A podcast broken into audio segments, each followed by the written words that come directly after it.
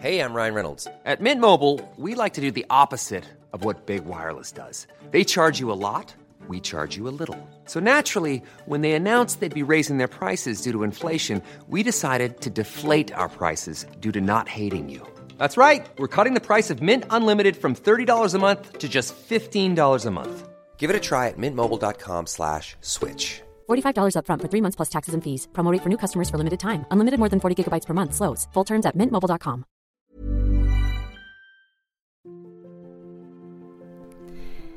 Välkommen till världen och team Swisselhoff, kära lillebror.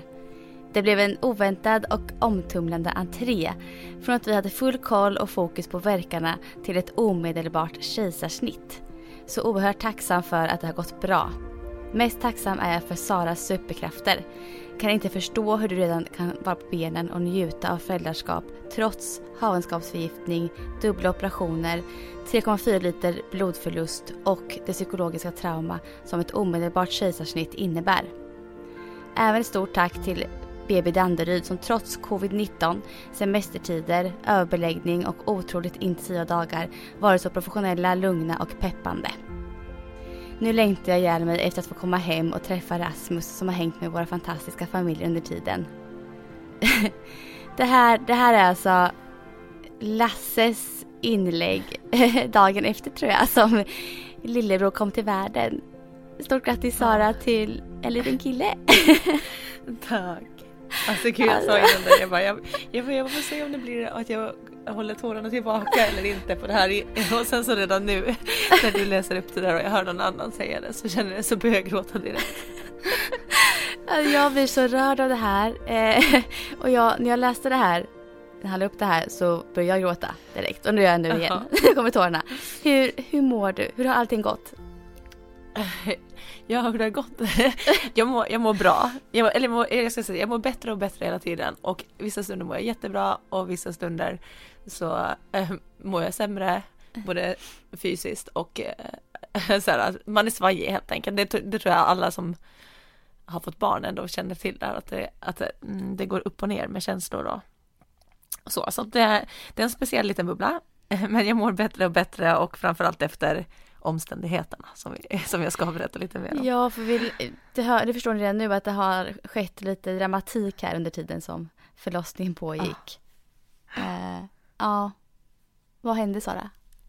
Ja, oh, gud. ja, det här blir ju nu då ett avsnitt som jag säkert kommer få prata på en del. Men som ja. vi sa, det, jag tror det är bra för, för mig också att prata. Och som sagt, allting har gått jättebra. Vi är superlyckliga, vi är hemma nu. Eh, Lasse la ut faktiskt det här, när var det, igår eller förrgår, men då lillebror kom ju torsdags kväll, men vi har liksom inte haft eh, tid eller ork eller någonting att riktigt skriva så mycket. Mm. så det har fått gå några dagar. Han är ju nu fem dagar gammal tror jag. Mm. Eh, nej men vad, vad som hände? Så här.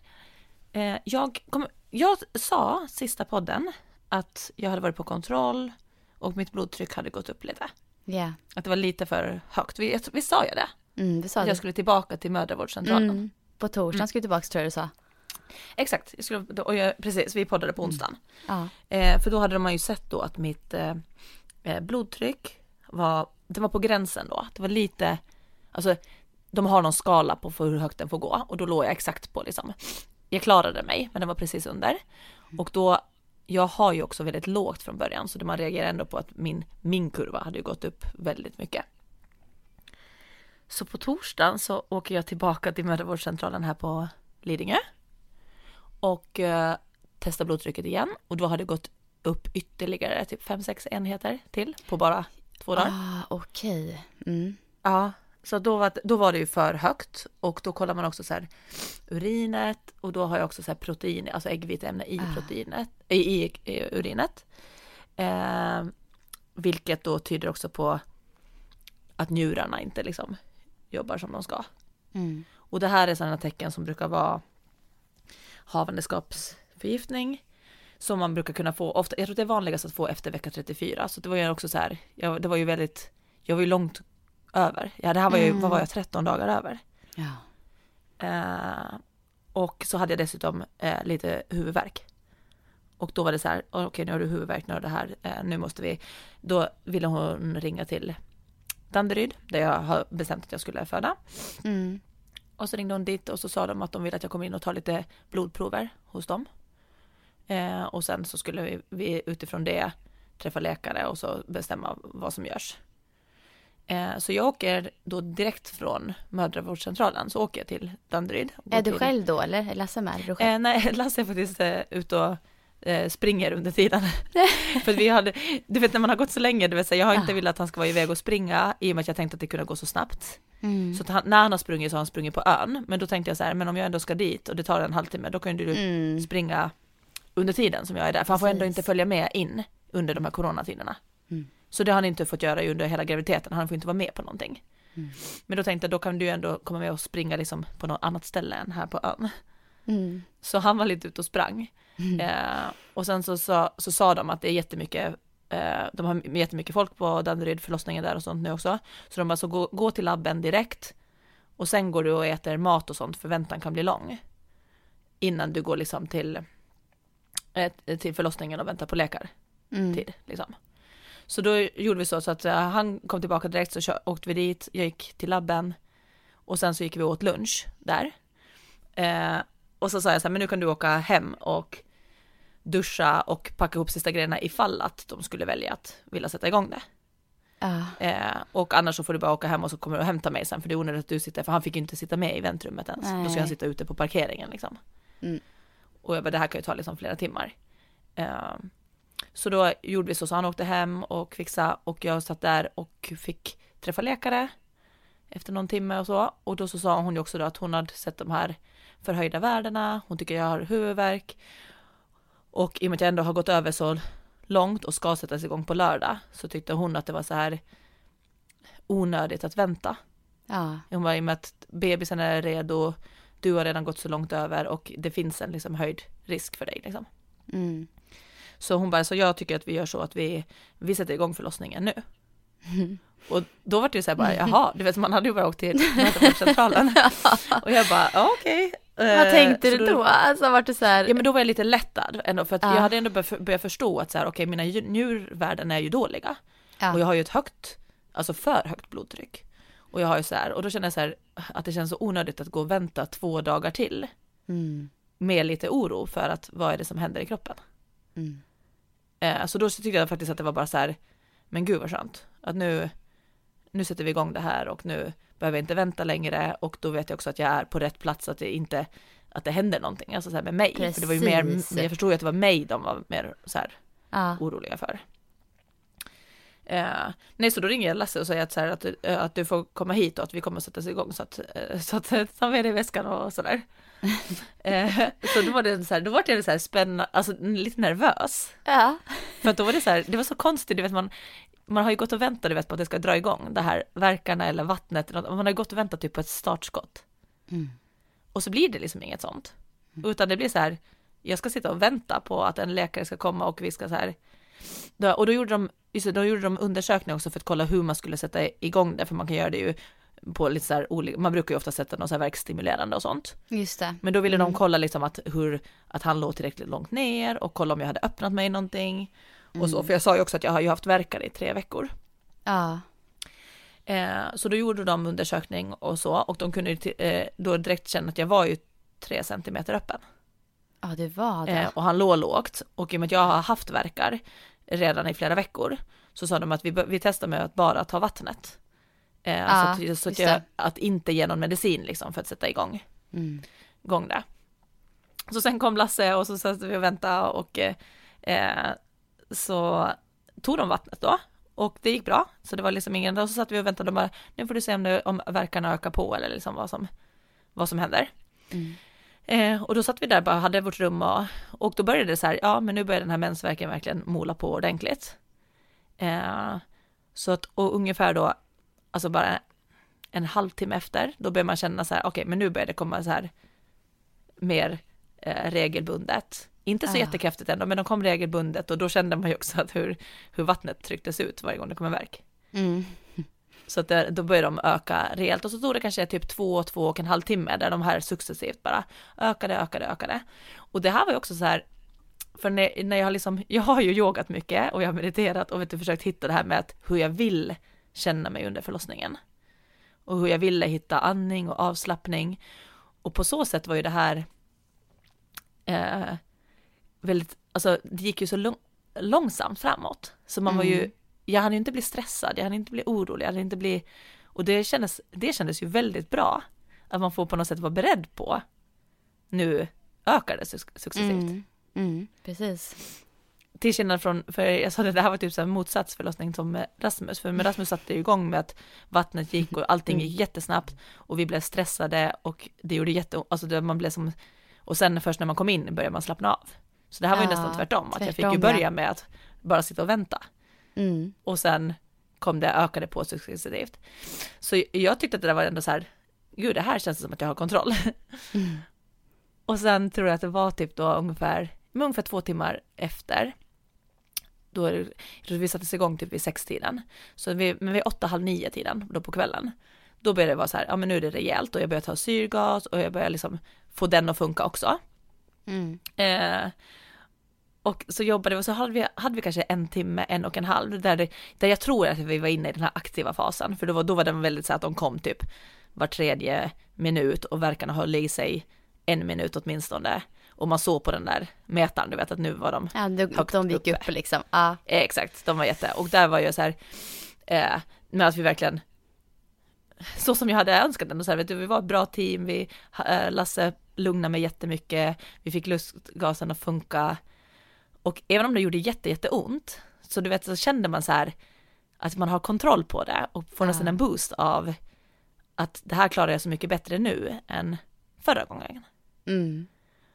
Eh, och det gav mig så, för de var in där och frågade så här, vill du ha epidural så kanske vi ska börja ta den nu, för det brukar gå så mycket snabbare med andra barnet.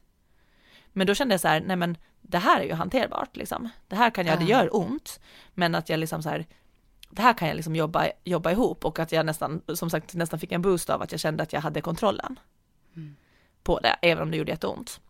Så jag bara, nej men vi kör på liksom.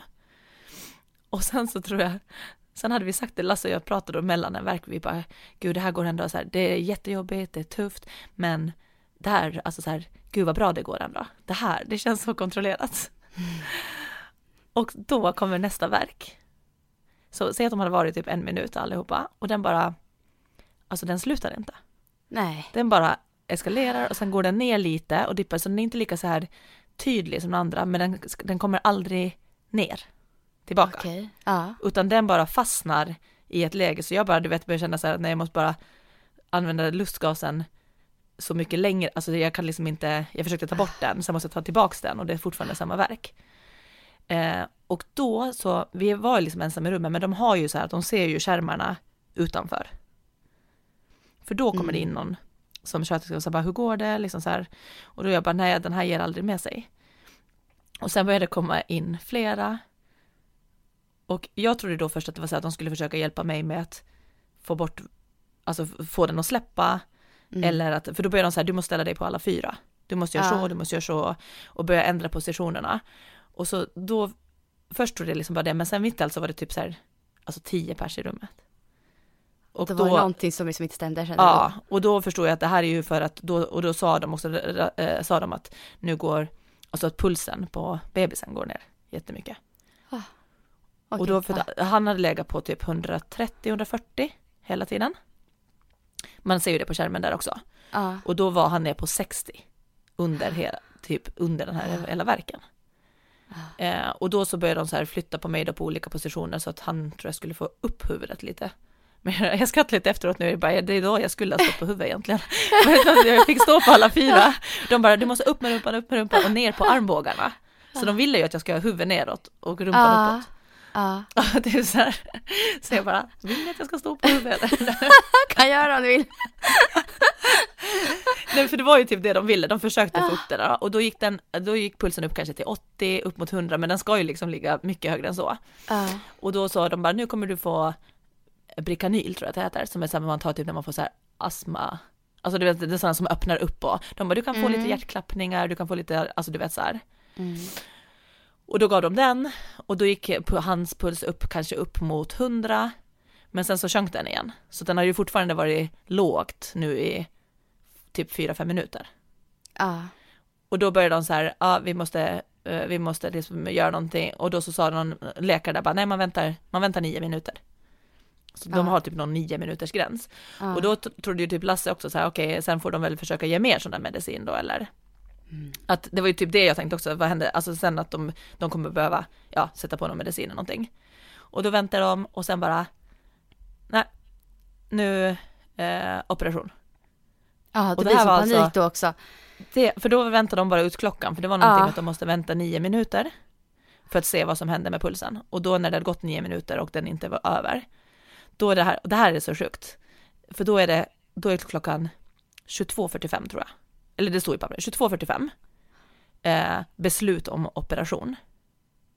Och det här var kinderna, för jag, någonstans hade jag ju lekt med, eller du vet när vi pratade om coronatiden och när min moderkaka låg lågt, att det kunde bli ett snitt. Mm. Så jag bara, ja, helst hade jag ju velat haft det planerat i så fall. Men så tänkte jag, ja, ja, men blir det akut snitt så blir det, det är liksom, jag har förstått att det är inte det roligaste och eh, framförallt också det här att man, jag har hört att folk sagt lite så här, man, man går lite miste om, man blir lite snuvad av att få liksom föda ut barnet och få upp det och sådär. Men jag bara, ja men, alltså man gör ju vad man behöver. Men det jag inte riktigt förstod där, som jag förstod bara på de här minuterna, för 22.45 så var beslutet operation och min operation startade 22.52. Gud. Så det är alltså sju minuter Ja. senare som jag, som operationen börjar. Så då är jag redan nedsövd. Och jag trodde det har varit så här, det finns planerade snitt och det finns akuta snitt. Men det det finns också är urakut eller omedelbart snitt. Och det är liksom när barnet ska ut nu. Eh, och det var ju det som vi hamnade på. Så jag hade in, ingen tid alls att knappt förstå vad som hände. För mitt allt så stod jag på alla fyra precis. och mitt i allt så rullade hela min säng ut och alla sprang med mig. Alltså, Eh, ja, Du och Lasse hann ju inte ah. heller fatta. Nej. Han trodde att de skulle ge mera sån där Bricanyl, alltså han så. Och sen så mitt i allt bara så springer de och, och de bara, hon ska operera, han ska ut nu liksom. ah. Och då tror man ändå så här, men för de här akuta snitten, de sker tror jag in, in, inom 30 minuter till 6 timmar efter att man tar beslutet, det kallas akut. Och de Ja, här då, minuter. urakut eller omedelbara, då är de så här, det, det är max 15 minuter eller någonting. Så, och så där. Mm. Jag tror att det till och med är så snabbt så att de inte, för att det här gör de inte ens, för bedövningen måste de ju annars vänta in. Och det är det som också är att om gör man ett akut kejsarsnitt så brukar man ändå få vara med och få, eh, få barnet upp på bröstet och du vet man är ju liksom, även om man inte känner någonting, att man kanske är helt, helt bedövad, så är man ju ändå med och får upp barnet och så. Eh, uh, Medan nu gör de det så bråttom så att de, sätt, de bara, jag tror att de söver ner direkt, tar ut barnet och så sätter de bedövning efteråt, för jag känner ju ändå ingenting i och med att jag är nedsövd. Så att de har inte tid Det är så på pass att... bråttom, hinner inte ens. Ja. Så de, har, de tar inte tiden till att, att vänta in att en bedövning ska vara igång. Så de bara sa godnatt typ till mig. Jag, jag kommer ihåg, jag, Lasse kom med in och han fick hålla mig i handen. Och jag var så här, vad händer, vad händer? Och han bara, han visste ju inte riktigt. Nej. Och, så, och det var lite jobbigt att jag visste att nu, jag somnar in precis snart och jag försökte fråga så här, är hans puls okej? Eller någonting. Och jag fick inte riktigt något svar. Svar. För att det var ju så, för ingen visste riktigt vad som hände. Och så vet, Så och så du bara hann ändå bli lite orolig där? Alltså, Ja, eller jag hann bli orolig. Det hann gå ja. så många tankar genom huvudet. För att det var så här, Mm. det, vad hände med mig? Alltså tanken till och med så här, om man inte skulle vakna. För jag, har jag har bara sövts ner en gång förut och jag tyckte, då visste jag om att jag skulle sövas ner. Och redan då tyckte jag att det är obehagligt att sövas ner för att, alltså bara den där känslan av att du har ingen kontroll. Och du vet ingenting vad som händer med din kropp. Och du vet inte ens om du, alltså så här, om du inte vaknar så vet du inte ens det. Alltså förstår du? Den känslan. Ja. Så, att- så det han slår mig och det han så här slår mig att, alltså så här, att jag, eller jag, jag förstod ju att jag kommer inte att höra hans skrik eller jag kommer inte att, jag kommer ju vara borta liksom, jag kommer inte att veta vad som händer från och med nu. Men samtidigt var det också en så här, någonstans en så här att jag, jag tror också igen, yogan och att jag hade bestämt mig så mycket hur jag ville känna mig och sådär, så fanns det också en sån här, okej, det här händer nu, eh, du är i trygga händer, du kan inte göra någonting, det är liksom bara, Mm. bara, bara, bara vara i det och liksom det kommer gå bra. Och så var narkosläkaren sa också någonting så här, precis när jag somnade så här, försök att tänk, eh, eller så här, tänk på fina tankar, det hjälper upp vaket. Och då gick jag bara in och så här och bara typ så bilder på liksom så här på Rasmus och Lasse och så här. Och Mm. eh, det jag redan så här visste att det är, är bra liksom. Eh, men jag kommer ihåg att jag höll Lasse i handen och att, att jag, att det rann tårar av ändå så här någon form av så här rädsla eller någonting. Ja. Och sen så sa de godnatt. och sen så, så sov ju jag där då under, under, jag tror att den tog typ 20-25 minuter. Eh, så det jag har fått berättat åt mig här då sen var ändå att eh, Ras, nej inte Rasmus, lillebror, vi har fortfarande inte riktigt något namn. Ibland säger jag Rasmus till honom. Nej men han, eh, han kom ut och det var liksom ingenting som var så här, det var ingen navelsträng i huvudet, alltså det fanns inget så här tydligt varför det här hände. Så han mådde Okej. ändå bra, han hade svårt att syresätta sig lite för de gör ju sådana tester. Eh, någonting när de föds, eller tas ut direkt, det gör man på alla barn, sådana olika så här, Ja. tester på olika grejer. Och då såg de att han hade svårt att, att syresätta sig, så att han fick sån här eh, syrgas. Så han låg med en sån. Lasse fick ju inte vara med inne på operationen heller, så han fick bara, direkt efter jag hade somnat så måste han gå därifrån. Så han säger inte heller, men sen så säger de ändå liksom så här att, att eh, allting ser bra ut, han behöver syrgas. Så jag tror att han hade den där syrgasen typ i 20 minuter och sen försökte de ta bort den. Men då, då var det sämre igen och så fick han ha på den igen. Så jag tror att han hade typ i 35 minuter. Men då visste, Lasse sa ändå att han kände sig ändå lugn för att de sa liksom att så här, allt är bra, han behöver bara lite hjälp med, med syresättningen. Eh, så då var det bra och sen så fick ju Lasse ha honom då efter den där halvtimmen eller någonting. Mm. Eh, och jag åkte iväg på uppvak på, jag antar att jag var på intensivvårdoperationer här, IVA var jag nog. Eh, så jag åker dit, men och det här, det här minns jag inte riktigt, men där någonstans i alla fall när de ska rulla iväg mig, så då åker vi ändå förbi Lasse och, och lillebror och de sätter han typ 10 sekunder på mitt bröst eller någonting. Men du vet, jag har ju Ja. precis varit Ja. ned, så, så någonstans har jag ett litet svagt att jag var så här, att jag var glad. Mm. Men sen somnade jag om igen för att jag var ju, som, jag var ju så drogad. Ah. Eh, och Lasse sa att det där var typ max 10 sekunder, men att de ändå satt här när jag åkte, rullade förbi. Typ så. Men sen så, du vet, då vaknade jag till och då så här, så kommer jag inte ihåg om det där hänt, så jag funderade så här, nej jag drömde nog bara att jag hade han på bröstet och sen somnade jag om igen och så vaknade jag till och då igen så, och sen, du vet jag slumnade till så många gånger där efteråt för att man är ju så här helt väck. Ah. Så, och sen har jag så ont i magen fortfarande. Eh, och så jag tror ju ibland när jag vaknar att jag fortfarande är gravid och att jag ska föda. Så konstigt. Mm. Ja, och det var så Mm. konstigt att det är så här att jag någonstans visste jag att jag har nu fött ett barn jag har ett barn någonstans. Men jag har inget minne av det överhuvudtaget och jag har, alltså jag har inget minne av att jag har fått ett barn. och Vad, vad konstig känsla. Ja men jättemärklig känsla. För att annars, för den, den bilden har jag aldrig haft i huvudet. Jag har alltid tänkt så här, "Ja, ja men blir det snitt så är det snitt, men att då, ja det blir liksom jobbigt med en bukoperation och att det blir så här, jag kommer inte få känna att, att man föder ut den eller så. Men just den där att jag bara, men jag vet ju inte, vet ju inte ens om att jag har, har fött det, eller att, att jag har ett barn uttaget. Det var jätte, jättekonstig känsla. Eh, så men, och då, men då körs jag i alla fall till eh, uppvaket då. Och Lasse får veta att han kan gå till rummet och att vänta där, att det brukar ta typ så här upp till tre timmar. Och då har det ju nästan gått ungefär en timme i och med att de håller på med Rasmus, nej, men inte, med lillebrors andning. Rasmus, ja. ja. Eh, så han bara, ja men hon kommer väl typ om två timmar då. Och sen så, det var ju väldigt mycket, vi hade ju väldigt tur med hela, alltså St- Stockholms alla, det var ju fullt igen, det var det när vi, när vi skulle föda Rasmus också, men då fick vi plats. Och det här var tydligen igen, det var ju fullt på alla Mm. BB i Stockholm. Så vi hade ju fått plats och sen blir det dessutom också flera, eh, flera snitt den natten. Så det är ganska mycket Okej. så här som händer där, att det är ganska mycket, Mm. ja, de, och så, som vi sa, alltså det, det var corona, det var semester, det är fullt i Stockholm, flera komplikationer, alltså det, det är så här, men vi märkte inte det utåt, men ibland märktes det på så här att saker tog längre tid innan man fick veta någonting eller höra någonting, för att de måste ju prioritera kanske det som är akut och Ja. inte liksom informera. Så men då började Lasse ändå fundera var jag var och så, så kom de då och sa till honom att jag kommer att åka in på en operation till för att jag har tappat eh, så mycket blod. Och då sa de typ så här två liter eller någonting. Så han var oj. Mm. Eh, så, att, eh, så att hon kommer inte att komma nu utan hon kommer, hon kommer om några Men timmar. i, i det läget, alltså hur, vad, vad kände Lasse då? Alltså han Ja, måste tycka det här han- var jättejobbigt.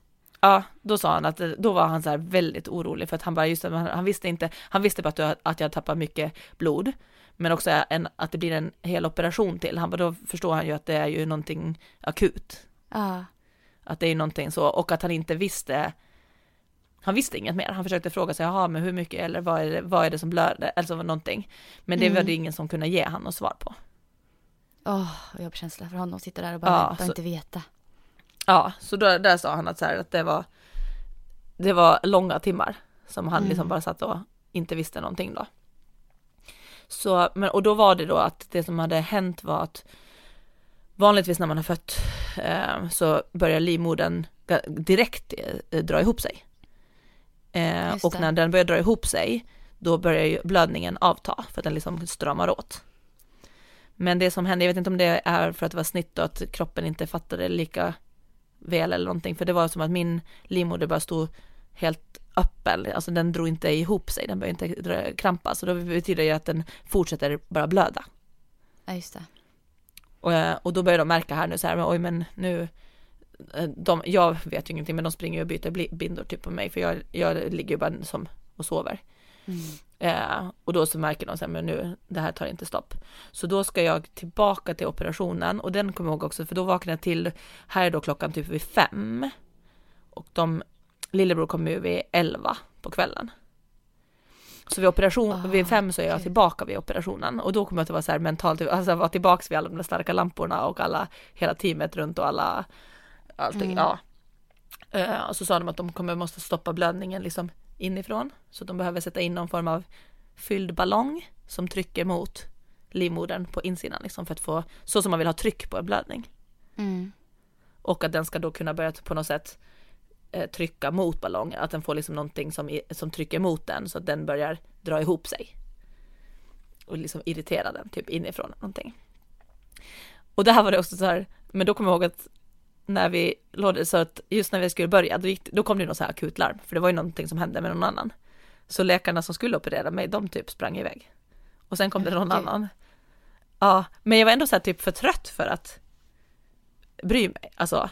Ja. Och jag fattar ju också där någonting, så här, det, det är någonting som är mer akut. Alltså jag, jag tänkte så här bara, mitt barn mår bra, mitt barn, alltså så här. Mm. Eh, så att, men då sprang det, så det var någonting lite kaosigt där.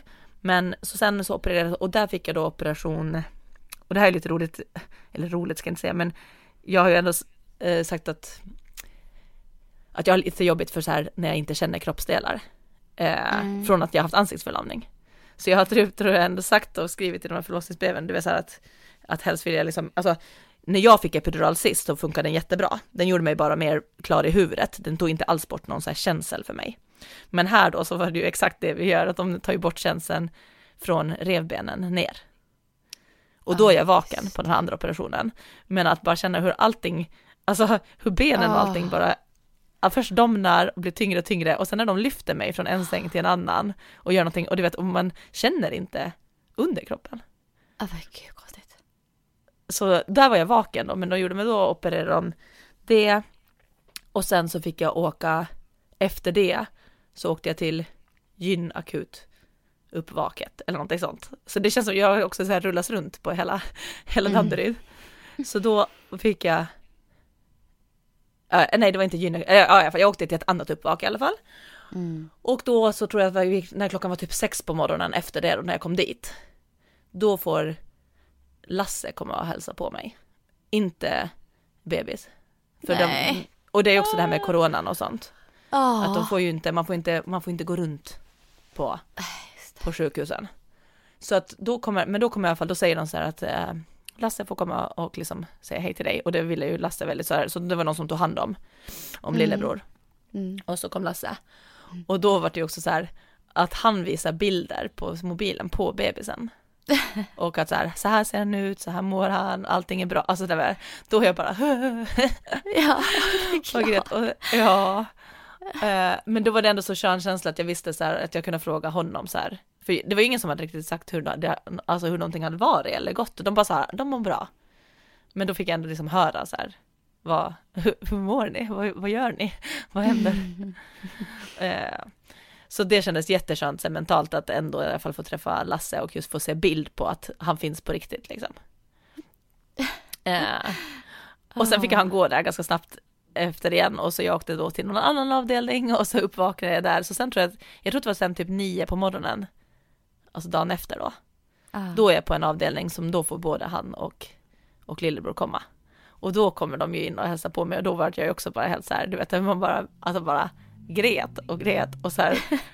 Och jag grät av så konstigt, alltså det var ju dels så här för det var ju som första gången för mig som jag höll mitt barn. Även Ja. om de sa att jag gjorde det tio sekunder innan, men jag har ju inget minne av det. Så det tog typ tio, tio timmar efter att han hade kommit ut som jag fick liksom så här dofta på honom och, och liksom känna honom och och då var det så här, både, alltså det var så underbart och jag försökte hitta den, du vet den här vanliga bebisbubblan. Samtidigt blev det också då att jag fattade liksom att jag har gått miste om, om hela, jag bara det här skulle kunna vara vilket barn som helst på något sätt. För Ja. att jag vet ju inte liksom, alltså det var bara, det var bara, Lasse kom bara in med ett barn. Alltså, Och då tror jag att det också ja. någonstans börjar bli lite så här, gud vad, vad händer riktigt? Så, och sen vilar jag där lite till, de går iväg och sen tror jag att jag får komma till vid tvåtiden på eftermiddagen. Då får jag komma dit till, till vårt rum på BB. Så det är ganska långt. Det är väldigt många efter. timmar. Ja. Eh, gud vad svårt så här liksom. Det blir väldigt starkt att höra dig prata om det här. Jag sitter här ja. Och eh, är väldigt berörd. Hur kändes det att komma tillbaka, alltså att få komma till rummet där de var sen och få vara där med dem en längre tid? Alltså så här, för, ja, hur kändes det? Ja. Nej men alltså det var typ på något sätt som en lättnad då också. Sen måste jag säga, alltså så här, på något sätt gick de här timmarna ändå hyfsat fort i och med att jag, jag sov så mycket. Och det Ja. här var ju dels, dels det här för att jag varit nedsövd. Men sen så var det ju också totalt under den här tiden så förlorade jag ju, som Lasse skrev det, 3,4 liter blod. Ah. Och normalt så har man ju typ 5-6 liter. Så då kan man förstå Oj, hur mycket mycket det- det var. Ja, vi sa det liksom när man ger blod så brukar man få ge en halv liter. Och då måste man vänta tre månader innan man får ge någonting igen för att det tar tre månader att återhämta sig för en halv liter. Med så här hemoglobinvärden och allt så här. Så man, det brukar vara typ en halv liter man får ge högst var tredje månad. Och då har jag liksom tappat 3,4 på någon timme.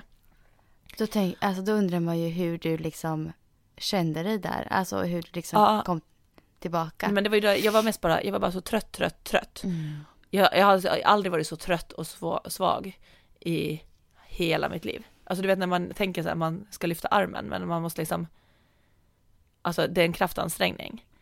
Och jag kommer ihåg att jag skulle typ upp i sängen, de skulle, jag får ju hjälp med allt, alltså jag, jag, de första två dygnen så har jag så här kateter, alltså jag går inte upp och, jag kan inte gå upp och kissa. Nej. Det är inte så någonting jag skulle tänka på. Så de har ju bara kopplat i allt sånt där. Jag ligger ju bara i sängen. Eh, det var då dagen efter där. Då, var, då sa de att ikväll så ska vi testa att ställa dig upp på benen. Du ska prova att ta två steg. Det var liksom Mm. kvällen efter. Så att så trött var jag och det var så här, jag fick ha lillebror på bröstet och jag fick ha han, men bara så länge Lasse var med i rummet för att jag kunde ju somna, alltså jag kunde somna när som helst. Och det var ju det jag typ gjorde hela tiden, så därför var inte den här, även om det var många timmar som jag var ifrån dem, så visste jag att så här, varje gång jag blundar, då blundar jag och väntar två andetag, så sover jag igen.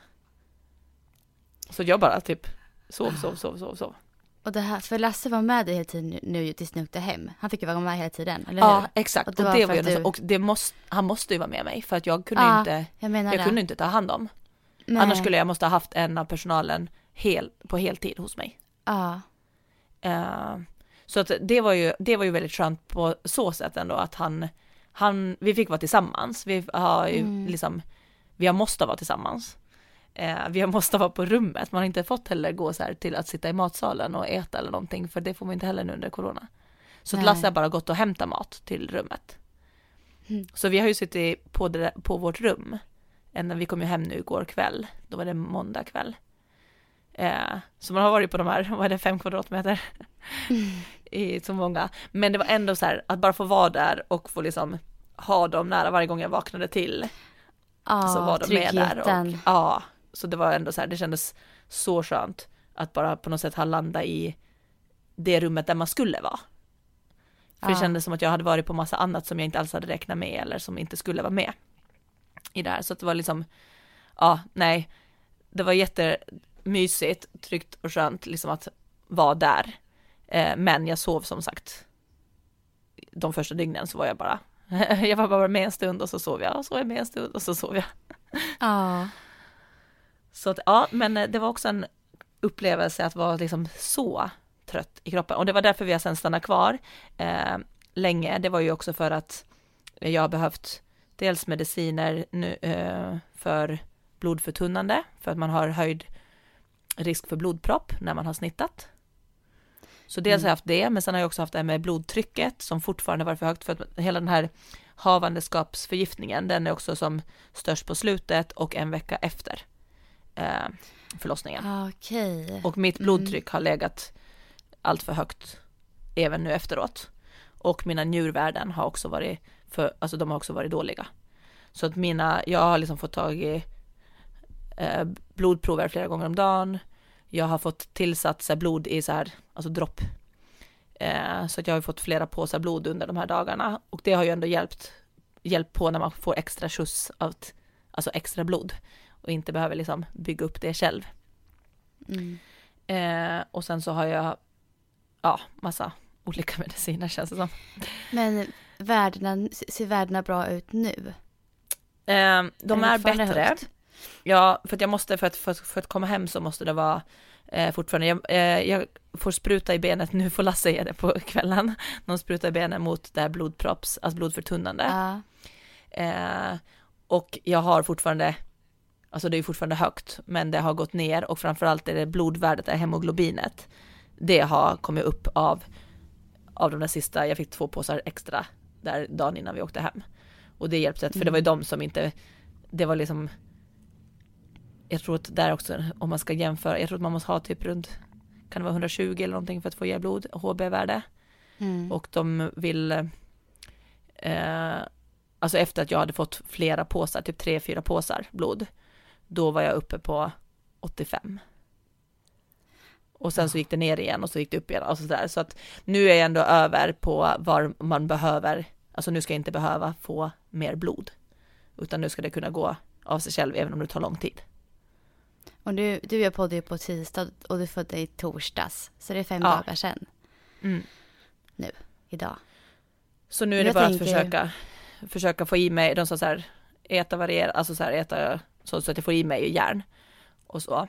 Eh, kan ta Mm. ett tillskott, dricka mycket, ta det väldigt lugnt, eh, får inte bära någonting. Det har ju med snittet att göra också. De som har gjort kejsarsnitt vet ju att det, är typ 6-8 veckor där man bara får bära barnets vikt Mm. och inget mer. Eh, och inte göra, jag får inte som sagt alltså anstränga raka bukmusklerna eller behöva liksom göra någon övning där jag måste stabilisera med magen. Så det behöver jag, och det är för att livmodern och sånt, alla R ska, för man har gjort en bukoperation liksom. Det är ju det är en ganska stor Ah, operation, ändå ett ja, snitt. visst. Man tänker på det som att säga, men det är vanligt att snitta. Eller jag tycker att det är, det är som, men man tänker ju inte på vad det, alltså det är ju ändå en stor operation. Ja men verkligen. Och så tänker jag. Jag, jag tänker så här typ att det här kan påverka er alltså mentalt eller psykiskt så att ni kanske kommer, får man stöttning efter här grejer? Alltså eller hur funkar det? För att det är väldigt skönt tror jag som du gör nu, alltså prata ut Ja. om det med någon och berätta liksom om hur upplevelsen och sätta ord på det för sig själv tror jag är jättebra. Men får man någon sån här stöttning från någonstans ifrån? Ja, de, de sa faktiskt att just spe- speciellt när det är de här eh, urakuta, eh, så Mm. sa de att då får jag, om jag vill så, bli, så eh, kommer jag bli kallad om eh, typ åtta veckor för, att, eh, för, för att pr- prata om det och då får man ofta prata om det också med operationsläkaren ifall man har frågor kring Mm. vad som hände där och så. Så det sa jag, det tackar jag ja till direkt för jag sa så här, just nu känns det bra. Eh, men jag tror att det här kommer att komma ikapp. För först Ja, tänkte jag bara, ja ja. det var ett snitt så som alla liksom så här, det är vanligt och så. Men sen var det ju liksom också för att många andra på sjukhuset, läkare och eh, andra som var så här, ja du har ju gått igenom, det här är ju ett trauma och det här är en traumatisk, alltså så här, och när andra börjar säga att det är ett trauma och så här, då börjar man så här, jaha, ja, och då börjar jag fundera, ja men gud. Och ja, då blir och det, det kanske när, som du säger, när andra, ja, ja men att det kommer ifatt annars sen. Det kanske, jag tror också att det är bra faktiskt att bearbeta det. Eh, För det tycker jag att det tog ju liksom det, liksom någon där dagen, eller så här just att när jag insåg att jag, men just den här när jag insåg att jag, att jag inte fick eh, vara med om en förlossning. Eh, den, den, blev, den blev ganska jobbig ändå sen, tyckte jag när, när jag började känna så här, jag hade ju sett fram emot den och jag hade liksom varit peppad för den. Och, eh, men också, jag, det är inte liksom bara min upplevelse utan det är också någonting för att sätta, tror jag, punkt för graviditeten. Att då var den klar och det så, här, så det kändes som att den aldrig eller jag har ju ingen minne av, av, av slutet på något sätt. nej, precis. Så, och det har nog kommit ikapp mig lite och, jag, och det tycker jag är lite jobbigt att eh, när man säger åh grattis, njut av bebisbubblan och allt sånt här, man bara den, den, jag upplever inte bebisbubblan på samma sätt och det tror jag är för att jag inte fick det där adrenalin, alltså det där på, lyckopåslaget Nej, när man fick sitt barn och när man fick sådär Ja. Eh, och jag tror att an, anknytningen tror jag att kommer, alltså att vara lite på ett annat sätt. Dock känner jag, nu känner jag mig inte stressad över det, för att jag känner ju att jag, att jag älskar lillebror redan nu och jag tycker att han är jättemysig och, och så här, men, men jag känner att det, det kommer nog vara en annan väg och en annan process. Mm. För det känns ändå som att jag på något sätt lär känna honom lite nu på ett, på ett inte lika självklart sätt. Mm. Och så. Ja, det Och är sen inte är jag- man... Ja, nej, Jag jag, är så glad att jag också hade Rasmus förlossning innan. För jag har ändå sagt alltid att det är så här, alltså en förlossning är typ det häftigaste man kan göra, alltså det är så här, det är en upplevelse så här, och det är det. Och jag är så glad att jag har det minnet av det också. För att hade det här typ varit min första, då tror jag att jag hade varit mer, alltså det hade varit mer jobbigt, typ om jag Mm. hade velat ha ett andra barn, om det hade varit tvärtom. Mm. Eh, men det är det också säger, jag vill ju inte heller så här skrämma upp någon med den här storyn. För att det som är helt klart, det är liksom vården i Sverige. Hur proffsiga alla är, hur trygg de får en att känna. Alltså det är liksom så här, jag hade ju liksom Ja, men jag är så tacksam och jag är så nöjd över förlossningen på så sätt. För att det var liksom, allting gick ju jätte, jättebra. Och de gjorde allt för att få mig att känna mig trygg och eh, så här, så jag har liksom ingenting att, att klaga på. Förutom att jag vill inte att, jag skulle inte vilja att någon skulle behöva göra samma grej ändå. För att det blev så mycket, ja, saker man inte var beredd på. Ja, och så nu, du, har ju en frisk son hemma nu också. Det Ja, exakt. Allting slutar ju bra. viktigaste. Du mår bra nu, ganska bra i alla fall, Mm. och kommer ju må väldigt bra på sikt såklart du också. Och sen så mår han jättebra. Exakt, och att just att, de- att de sa att han har mått bra från början, att det där Ja. syrgasen, det, var ju, det är liksom inget konstigt att han får lite hjälp med det i början. Mm. Men sen har ju han och sen alla tester, han hade första eh, läkartestet, då hade han lite så här blåsljud på hjärta. Eh, Mm. Men sen då gick vi på en ny redan dagen efter, när vi var där, och då var det helt borta. Och det är också så här, Ja, det har, behöver inte ha någonting med det där att göra, utan vissa barn har liksom bara att det inte har stängts ihop någon Mm. någonting där. Så att, och det var också bra, så nu har han allting, han är liksom en tia. Han mår jättebra på allt. Och, men det här, vet du vad han vägde? Antagligen Det ganska mycket gissar jag på. Det, ja, det har man typ glömt bort i hela här stunden. Man brukar bara, åh hur lång och tung var alltså, ja, det kan man ju fråga första man Ja. gör. Ja. För Ja, att det- det, var ja, typ på kul att hetsats höra. till sidan. Du, om Rasmus var, jag tror att han var 51 lång Ja. och vägde typ 3,6.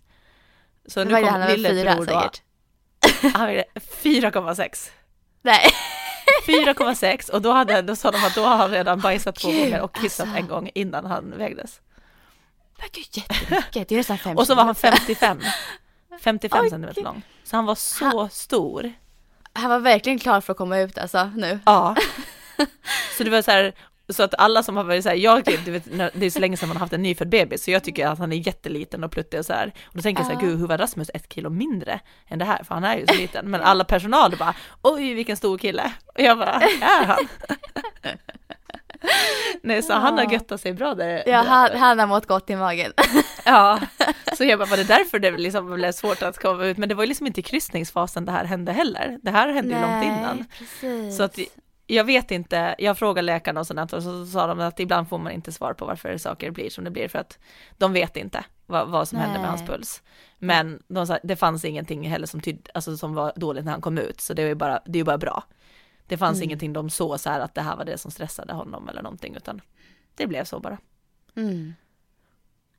Så, ja, Alltså- nej, så nu har jag en stor, stor kärleksklimp här hemma. Ja. så skönt för er att vara hemma. Ja, och kom hem och Rasmus har ju varit, för att han åkte till farfar först några dagar innan, för att vi tänkte så här, men nu är det inte många dagar kvar ändå. Ah. Så han har ju varit borta en vecka. Och det känns som att han har växt så mycket, du vet, han har varit på egna Ja. äventyr och han har varit så. Och sen så gjorde vi det så, sen vi började känna att nu behöver han få komma hem. Eh, och även vi visste inte hur länge vi skulle vara kvar på, för de sa att vi skulle vara kvar upp till en vecka på sjukhuset. Så vi, Mm. det här är bara bonus att vi fick komma hem tidigare. Eh, men för de sa en vecka får ni nog eh, räkna med. Eh, men, eh, så, men då gjorde vi så att ändå att eh, min syrra Hanna och hennes kille och deras barn, de åkte och hämtade upp Rasmus från farfar i Dalarna och åkte hit till Storholmen så att Rasmus ändå fick komma hem. Mm. Så att, och de hade förberett honom på att mamma och pappa är fortfarande inte hemma, de är, liksom, de är hos doktorn och hämtar lillebror. Men att då fick, så han kom hem då ett dygn innan oss. Och sen när vi kom hem här nu, då hade ju Hanna hjälpt lite grann, ganska mycket. Men då hade de satt en stor så här, skylt ute på på terrassen på räcket, så där det stod så här välkommen lillebror och Rasmus hade satt alla sina kramdjur där som en publik. Så vi fick här mottaganden. Ja, vi, ja, jag började gråta när, jag kommer så här och bara så ser mottaganden så står det där stor skylt så här, välkommen lillebror ute liksom Ja. på altanen. Och alla kramdjur som står och väntar på honom. En var storebror fixat. Ja, så de hade verkligen och gjort det, ja, och var det, så Rasmus har varit så bra händer hela den här, och det har också varit så skönt att man Ja. har bara kunnat slappna av, men man har ju längtat ihjäl sig efter honom, för det har ju Ja, gått en ja, vecka utan att jag har sett, sett honom och ja, så att nu, nu är det väldigt mycket kramar och kärlek här hemma. Ja, fantastiskt. Ja, Och nu blir jag jätterörd, det bara rinner tårar om mig här. För Ja. på, ja men Rasmus, här storebror har blivit precis och så. Man träffar Ja. lillebror och och han bara, "Ja, åh, min bebis, min bebis. Så han Ja. är väldigt, väldigt stolt. Ja, jag förstår det. Det är klart han är. Ja, Ja, nej så det är jätte, jätteskönt att vara hemma, få komma, nu vill man bara typ in i sina egna rutiner, även om de inte kommer se ut som vanligt på länge, så är det ändå Ja. så här, men man, alltså, man känner sig tycker jag sjukare när man är på ett sjukhus.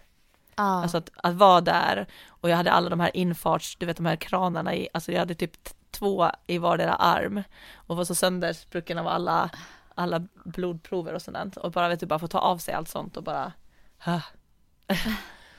ja men så skönt. Och vilken Ja. fin familj ni har som har stöttat och hjälpt till och Ja, för det har ju inte varit omkring. lätt heller det i de här corona, alltså det har inte varit lätt att bara nej. åka hur som helst och mamma och pappa har ju inte kunnat för att, eller åker, de, det är ju alltid med, med Finland till Sverige, det är inte Ja. helt självklart, jag menar vi har inte sett sen innan coronan.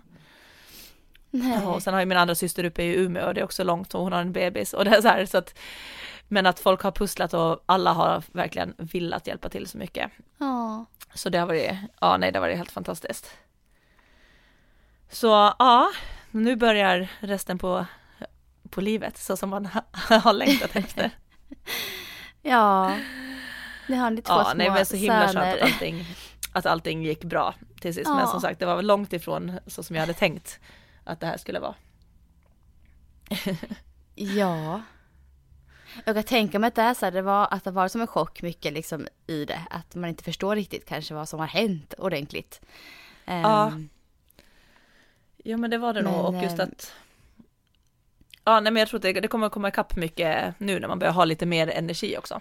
Ja, och jag tänker Och Lasse med, han måste ju också typ så här, han måste verkligen tycka det var lite jobbigt. Ja, Ett trauma för honom också på något vis, att det, det blir ju också jobbigt för honom. Ja. Eh, ja för Ja, han sa ju det att de där timmarna efteråt, just den där oron för mig, ja, Att den var liksom- Precis. på något sätt värst, sa han. Ah, För det var så lång tid som man inte visste någonting och, inte vet. och Ja. att det han går lite katastroftankar för honom där också. Ja, På, man börjar ju sådär, vad är det värsta som skulle kunna hända? Och då, man vill inte ens gå in på de vägarna liksom. nej. Eh, så nej, så att det, det, vi, vi är nog väldigt, jag tror att vi kommer också vara väldigt trötta under en lång tid. För Ja. att liksom bara repa sig mentalt från allting också. Mm. Efter, men ja, nej han har varit så, han har varit så underbar. Jag sa det, jag, bara, jag hade ju aldrig klarat det här, alltså dels lugnet och att bara känna den tryggheten man har av någon man älskar och som älskar en så mycket så här under en Mm. sån där, den.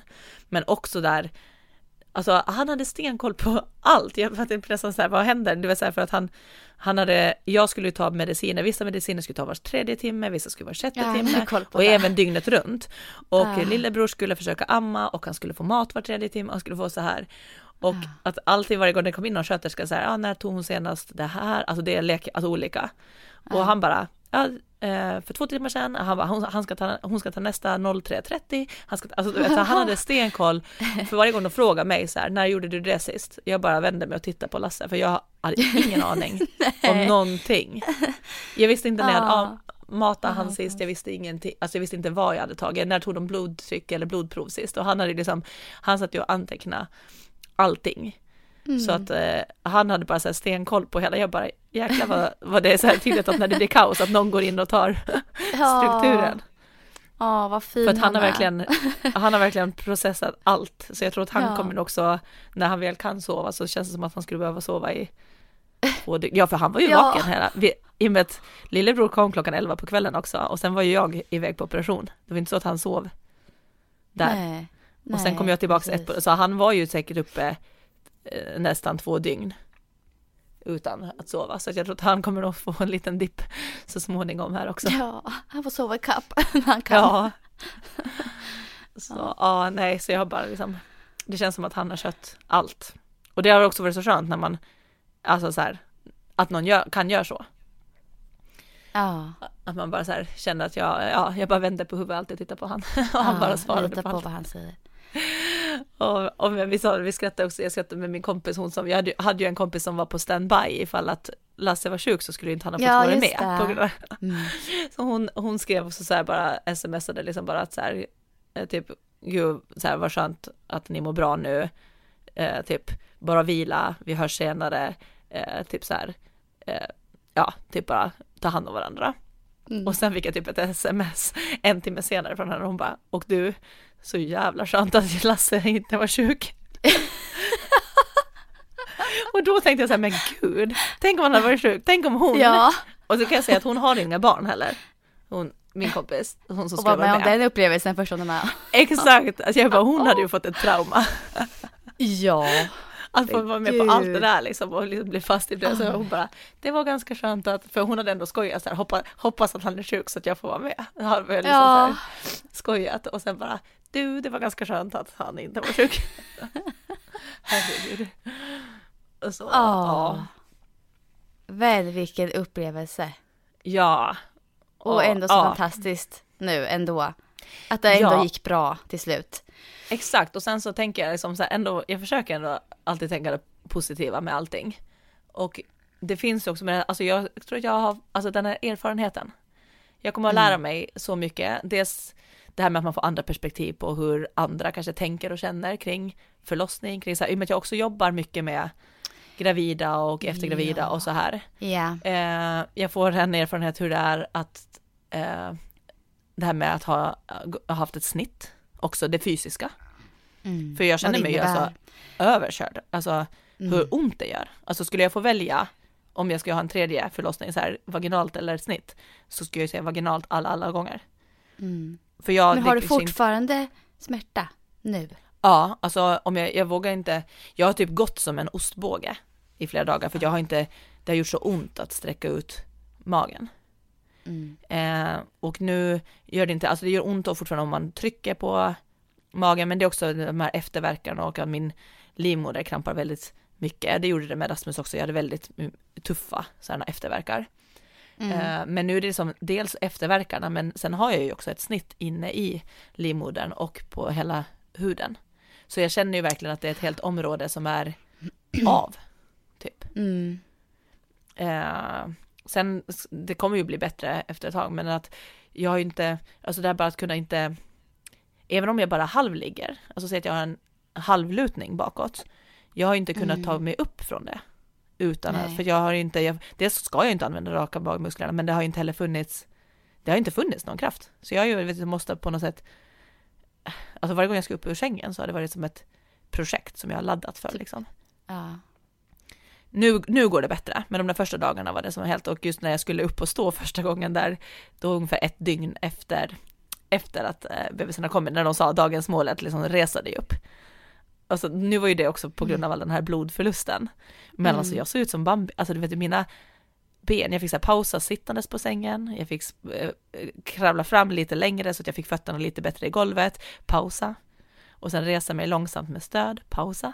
Och då stod jag och skak, alltså mina ben var som Bambi på hal. Jag kunde inte ah. kontrollera dem. De, vet, de bara, jag ser ju hur, hur de bara står och skakar och så ska jag typ ta två steg framåt bara för att komma till en så här handfat.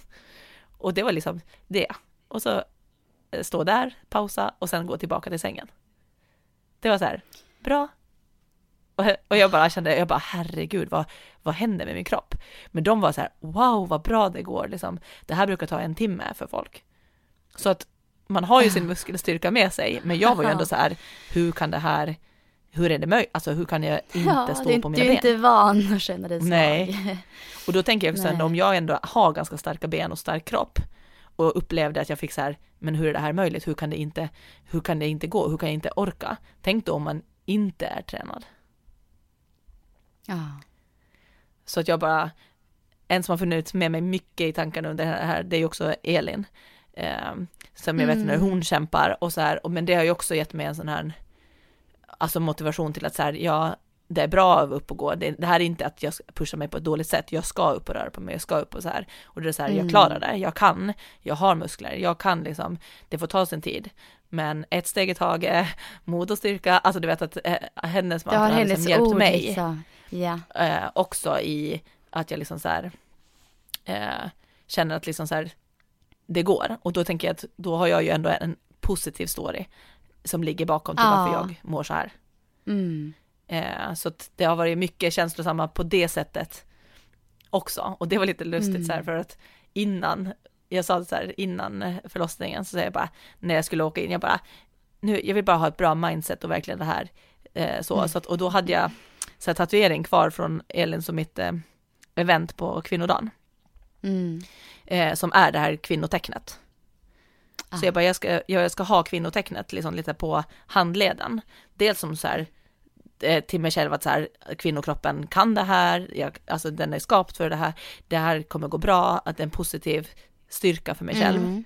Jag bara, men också så här, ett, ett liksom så här, eh, ha eh, lite hennes resa med i tankarna, alltså när det är jobbigt och man vill ge upp. Eh, och så där, så jag hade lite, och då blev det så konstigt också att det hjälpte mig jättemycket under, eh, under hela förlossningen, eller under hela det här verkarbetet. Eh, jag vet att Ida också, hennes syrra som eh, också för mig är ett kvinnotecken, de har också ganska mycket sådana, sådana smycken och sånt. Så att för mig mm. blev det lite symbolisera också att hon är också väldigt duktig på det här, okej okay, vad är nuet, ta liksom eh, ta den kontroll du kan ta och andas och sådär.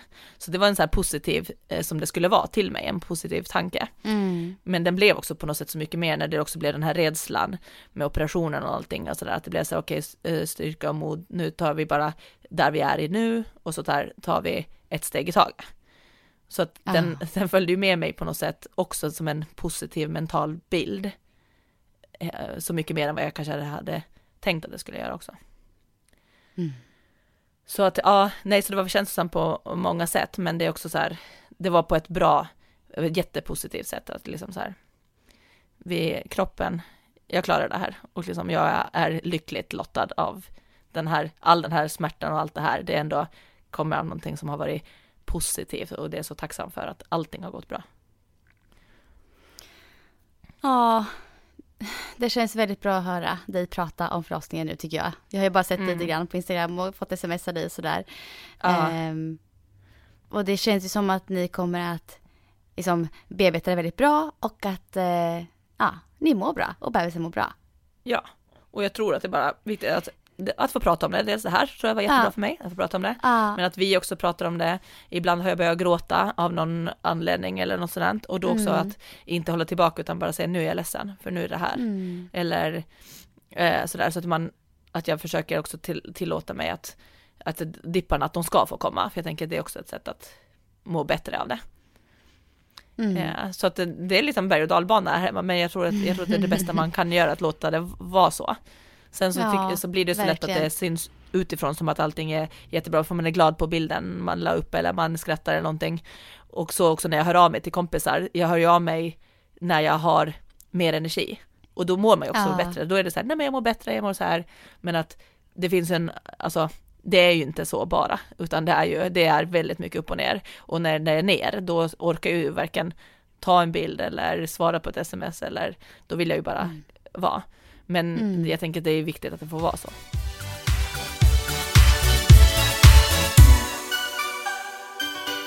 Hur ser det ut nu? Nu kommer ni bara återhämta er hemma, mysa. Ja.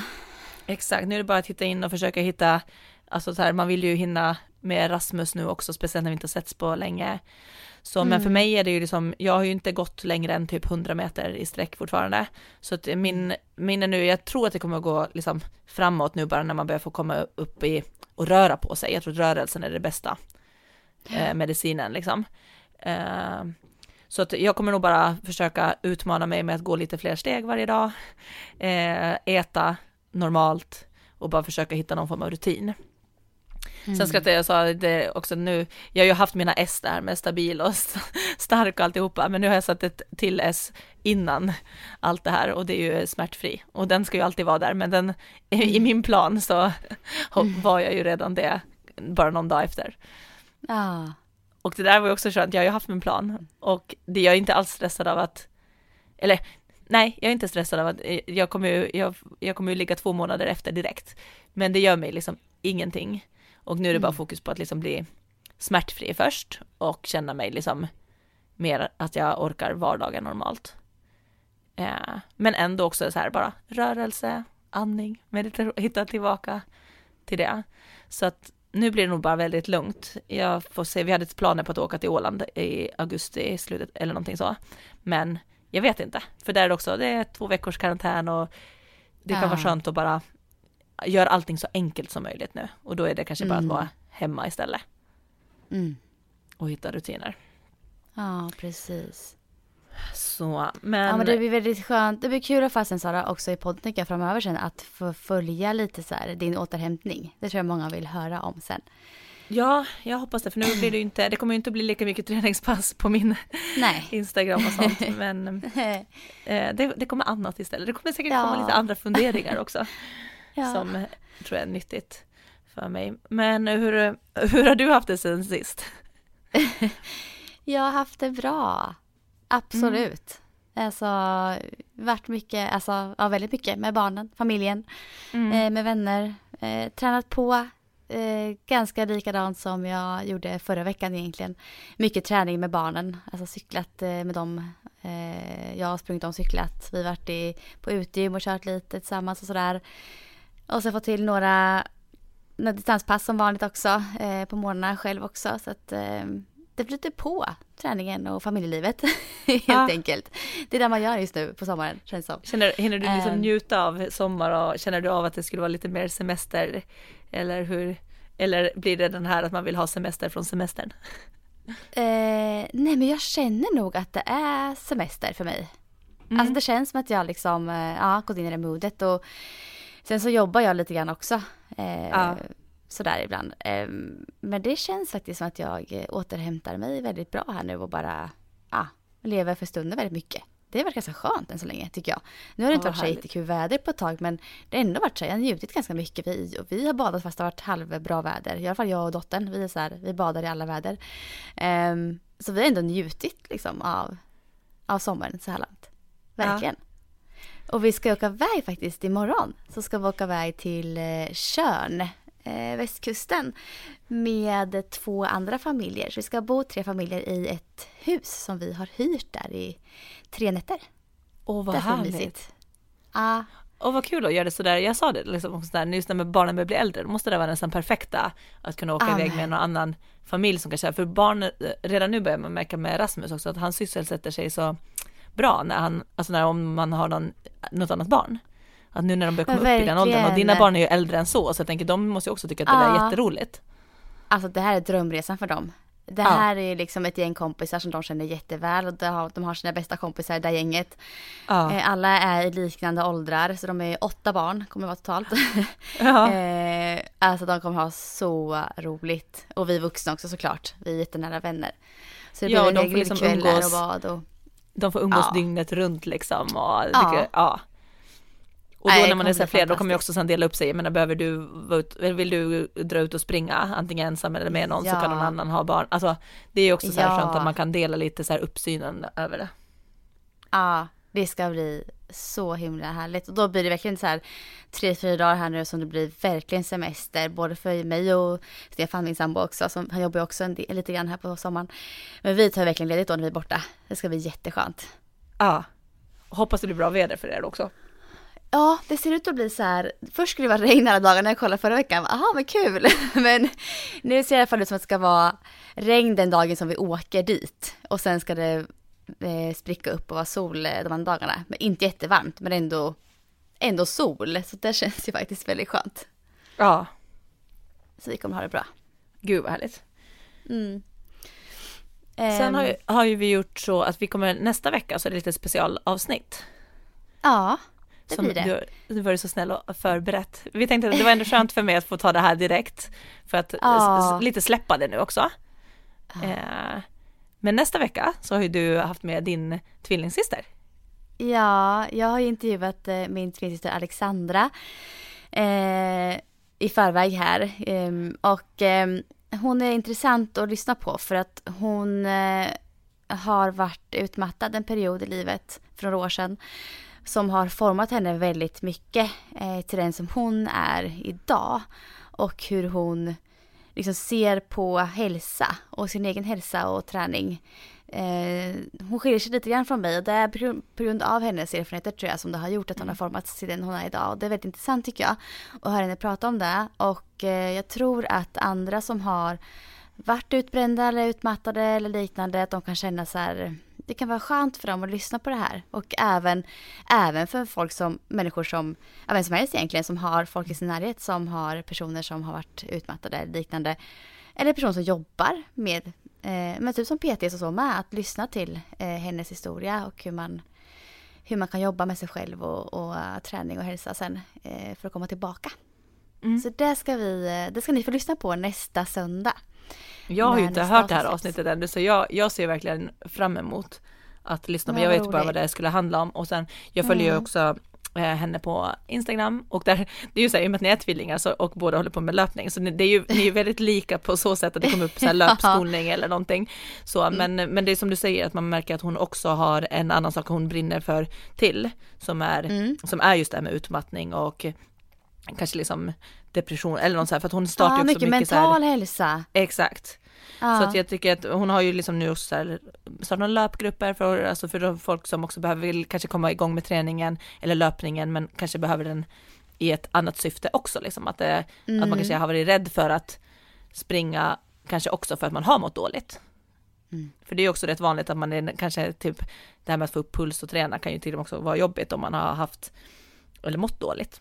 Ja, precis. Så att eh, man märker ju att hon har ju mycket det tänker jag och brinner för, för att hjälpa Mm. folk att må bra verkligen så här mentalt Mm. också. Så jag tycker det ska bli jätteintressant att lyssna för jag tänker också att det, men precis som när du och Hanna också berättade om era upplevelser kring eh, sköldkörtel, hur ni kan må sådant. Så att Mm. man kan ju känna igen sig fast man inte har samma problematik så kan man ju känna igen Ja. sig också stundvis. Alltså det kan vara I perioder. som man, symptomen liksom. Exakt, eller i perioder där man märker Eller- så här, oh, det här kan jag ta med mig, att det här kan nog hjälpa mig Ja. nu när jag har så mycket på jobbet eller nu när Mm. jag går igenom den här kaoset eh, med min mentala grej, eller så här. Så att jag, Mm. jag ser jättemycket fram emot att lyssna på hur hon tänker och jobbar och eh, Mm.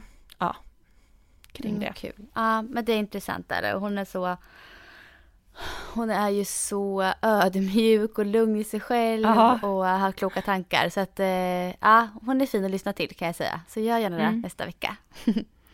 Så det blir bra och då får jag också lite längre tid på mig här att komma in i, i vardagen. Ja, precis. Och så har jag lite mer uppdatering. så. Mm, mm. Men du Sara, du får ha det så jättebra här nu och återhämta dig fint. Och pussa på Det bebisen från mig. och hälsa Det Lasse jag. och Rasmus. Det Eh, ska jag verkligen. Ja.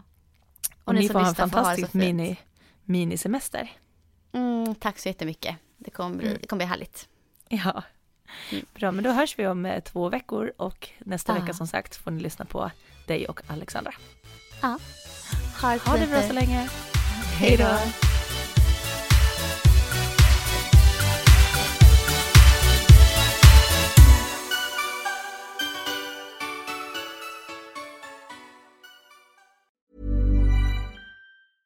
Ever catch yourself eating the same flavorless dinner three days in a row? Dreaming of something better? Well, HelloFresh is your guilt-free dream come true, baby. It's me, Gigi Palmer. Let's wake up those taste buds with hot, juicy pecan-crusted chicken or garlic butter shrimp scampi. Mm. Hello Fresh. Stop dreaming of all the delicious possibilities and dig in at HelloFresh.com. Let's get this dinner party started.